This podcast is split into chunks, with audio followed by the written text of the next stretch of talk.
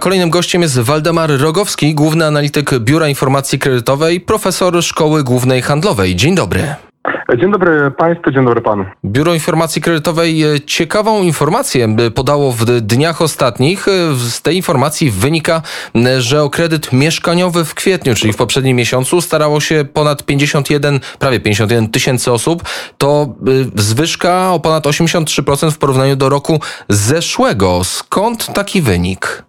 Tak, dokładnie mówiąc, mamy taki indeks właśnie popytu na kredyty mieszkaniowe. On informuje o rocznej dynamice wartości wnioskowanych kredytów mieszkaniowych do Biura Informacji Kredytowej. I rzeczywiście mamy teraz kwietniowy, to jest już kolejny w tym roku dodatni odczyt tego indeksu i on wystrzelił do wartości 94,3%. Jest rekordowym odczytem całej historii publikacji tego indeksu. Oznacza to, że właśnie w kwietniu tego roku czerwcu na dzień roboczy banki przesłały do BIG zapytania o kredyty mieszkaniowe na kwotę wyższą o 94% w porównaniu z kwietniem 2020 roku. I tak jak pan zauważył, w kwietniu 2021 roku ta liczba osób, które wnioskowały o kredyt jest prawie 51 tysięcy i to jest o 83% więcej niż było to w kwietniu zeszłego roku, gdzie ta liczba osób była 27,8. No oczywiście trzeba pamiętać, że na tę wartość samego tego indeksu, czy tych 94,3%,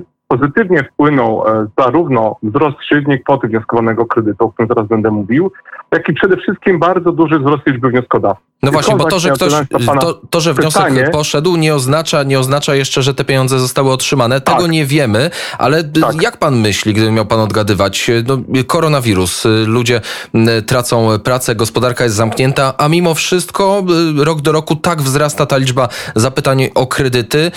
Przy niepewnej przyszłości, niepewnym spojrzeniu w przyszłość chcemy kupować mieszkania i domy. Tak, znaczy to, to może uporządkujmy, prawda? Fakty.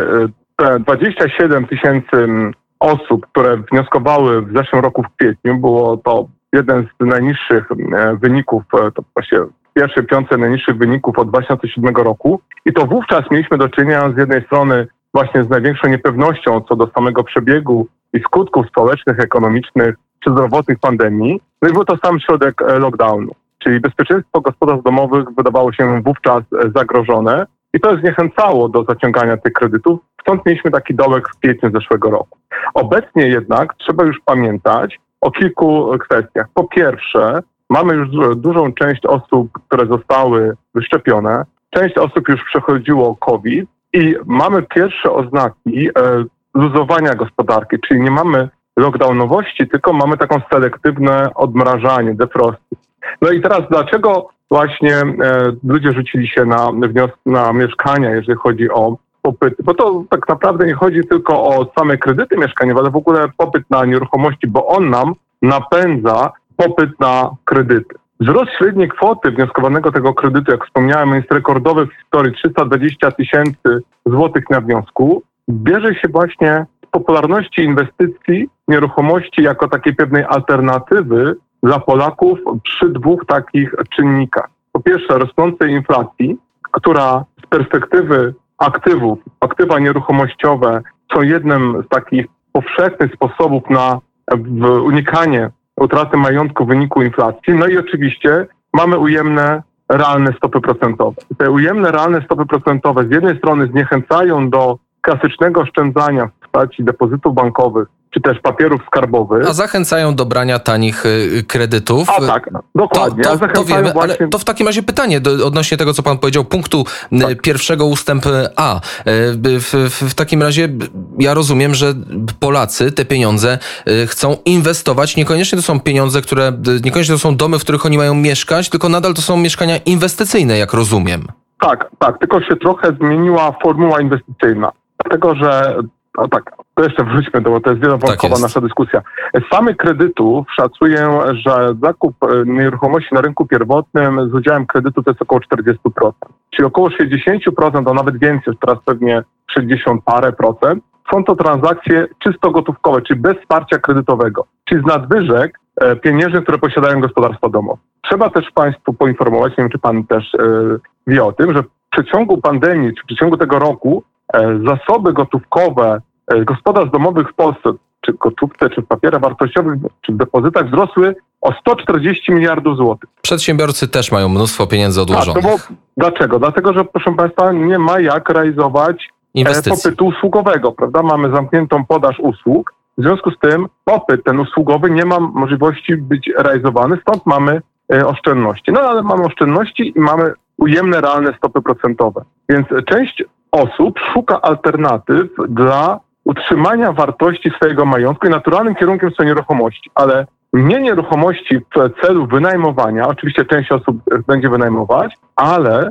pojawiają się inwestorzy, którzy nie liczą na strumienie pieniężne wynikające z miesięczne, te strumienie wynikające z wynajmu, a liczą na wzrost ceny nieruchomości, czy inwestują pod zwyżkę ceny nieruchomości. Czyli liczymy na to, by, by po, pozwolę sobie to na chłopski rozum wyjaśnić, liczymy na to, że inwestujemy kwotę X, na przykład te 300 tysięcy i za lat 5 będzie z tego 400 tysięcy, no ale przecież podstawy ekonomii są nieubłagane i nie można tak w nieskończoność w nieskończoność. To kto gasi nie, światło? Dlatego... Kiedy będzie ten moment? Jak pan myśli, bo no wiesz, wieszczy się to już od lat, y, mówi, mówi się o bańce na rynku, mówi się o, to, o tym, że mieszkania nie są tyle warte, no ale w końcu, w końcu może dojść do tego momentu, w którym będzie więcej mieszkań niż chętnych. No i co wtedy i tak, kiedy? Tak, ma pan rację. Tutaj można y, za przykład dać Japonię czy kraje skandynawskie, bo jednym z takich długoterminowych y, rodzajów ryzyka na rynku nieruchomości to jest ryzyko demograficzne trzeba pamiętać, że będzie coraz, jest już coraz mniej młodych osób, więc pytanie o ten naturalny popyt, komu będzie potem można sprzedać te nieruchomości albo ewentualnie je wynająć. Drugi aspekt to jest aspekt ekonomiczny. Kogo będzie stać na tak drogie nieruchomości, nawet bez, ze wsparciem kredytowym? Widzimy już, że z perspektywy kredytowej banki zaczynają udzielać kredytów mieszkaniowych na 30-35 lat. Dlaczego? Ano dlatego, że przy obecnych dochodach aby uzyskać nawet przy tak ultra niskich stopach procentowych zdolność kredytową, ale przy tak wysokiej cenie nieruchomości, powoduje to konieczność wydłużania okresu. Jeżeli dzisiaj w Warszawie ceny na rynku pierwotnym w lepszych lokalizacjach to jest nawet 17-18 tysięcy stan deweloperski, jak pan dorzuci jeszcze na wykończenie, to wychodzi metr pumu, czyli powierzchni użytkowej mieszkania, około 20 tysięcy. No 17-18 to mówi pan o tych najlepszych lokalizacjach, gdzieś blisko Bo, centrum Woli, i tak. Woli, nie? Mówimy o tak. Białęce tak. chociażby, czy Bielanach, gdzie to jest około 10 tysięcy, co i tak, tak jest kwotą trzeba wysoką. Pamiętać, trzeba pamiętać, że przy nieruchomościach bardzo ważna jest lokalizacja. I o, wieloletnie badania pokazują, że najlepiej ceny trzymają e, lokalizacje w tak zwanych lokalizacjach premium i one najmniej tracą. I tak jak wspomniałem, z jednej strony to jest ten aspekt demograficzny, który trzeba wziąć pod uwagę. Drugi aspekt dostępności możliwości zakupowej sprawy z kredytem przy tak wysokich cenach nieruchomości. Po trzecie, zwróciłbym także uwagę na pewne trendy, właściwie taki megatrend, który nam się w pandemii przyspieszył. On się ogólnie nazywa dezurbanizacją. Czyli coraz więcej osób zaczyna kupować nieruchomości na obrzeżach. Działki, domy, ale na obrzeżach. Ale dla siebie, nie inwestycyjnie. Tak, dla siebie, dla siebie. Dlaczego? Ano dlatego, że wcześniej, dlatego tak mówię całościowo, dlatego te osoby, które pod wynajem e, chcą kupować nieruchomości, muszą uwzględnić jedną rzecz. E, w postpandemicznej gospodarce w dużej części przejdziemy na model hybrydowy albo wręcz online'owy, jeżeli chodzi o pracę.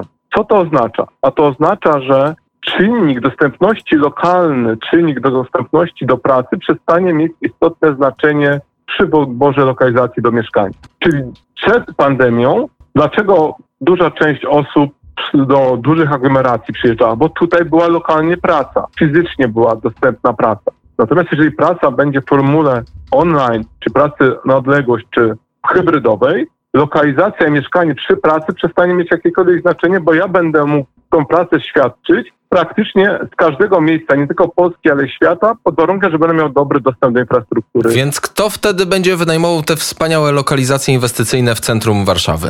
A no właśnie. Dlatego w dłuższej perspektywie trzeba naprawdę bardzo rozsądnie podchodzić do tego rynku, bo rzeczywiście może jeszcze nie widzimy tej bańki, ale już pewne cechy bańki na tym rynku widać. Po pierwsze, pojawiają się inwestorzy, tak jak wspomniałem, którzy liczą na spekulacyjny wzrost cen i zaczynają nam się pojawiać, to też jest ten czynnik powodujący wzrost cen nieruchomości. Inwestorzy zagraniczni? Zaczyna nam się pojawiać popyt od strony inwestorów instytucjonalnych. Czyli mieszkania zaczynają kupować inwestorzy instytucjonalni. Nawet nie pojedyncze mieszkania, ale wiem o całych, całych piętrach, a nawet całych budynkach, którzy zagraniczni inwestorzy kupują właśnie w Polsce. Całe osiedla panie redaktorze, kupują. Po 400-500 y, mieszkań fundusze inwestycyjne kupują. I to napędza ceny. Chętnie bym porozmawiał jeszcze, mam nadzieję, że do tej rozmowy wrócimy. Niestety, niestety mój gość musi uciekać do telewizji, tak się umówiliśmy. Waldemar tak, tak Rogowski, główny analityk Biura Informacji Kredytowej, profesor Szkoły Głównej Handlowej, był gościem Radia Wnet. Dziękuję i do usłyszenia niebawem. Ja też bardzo dziękuję za rozmowę i do usłyszenia, do zobaczenia. Do usłyszenia, pozdrawiamy.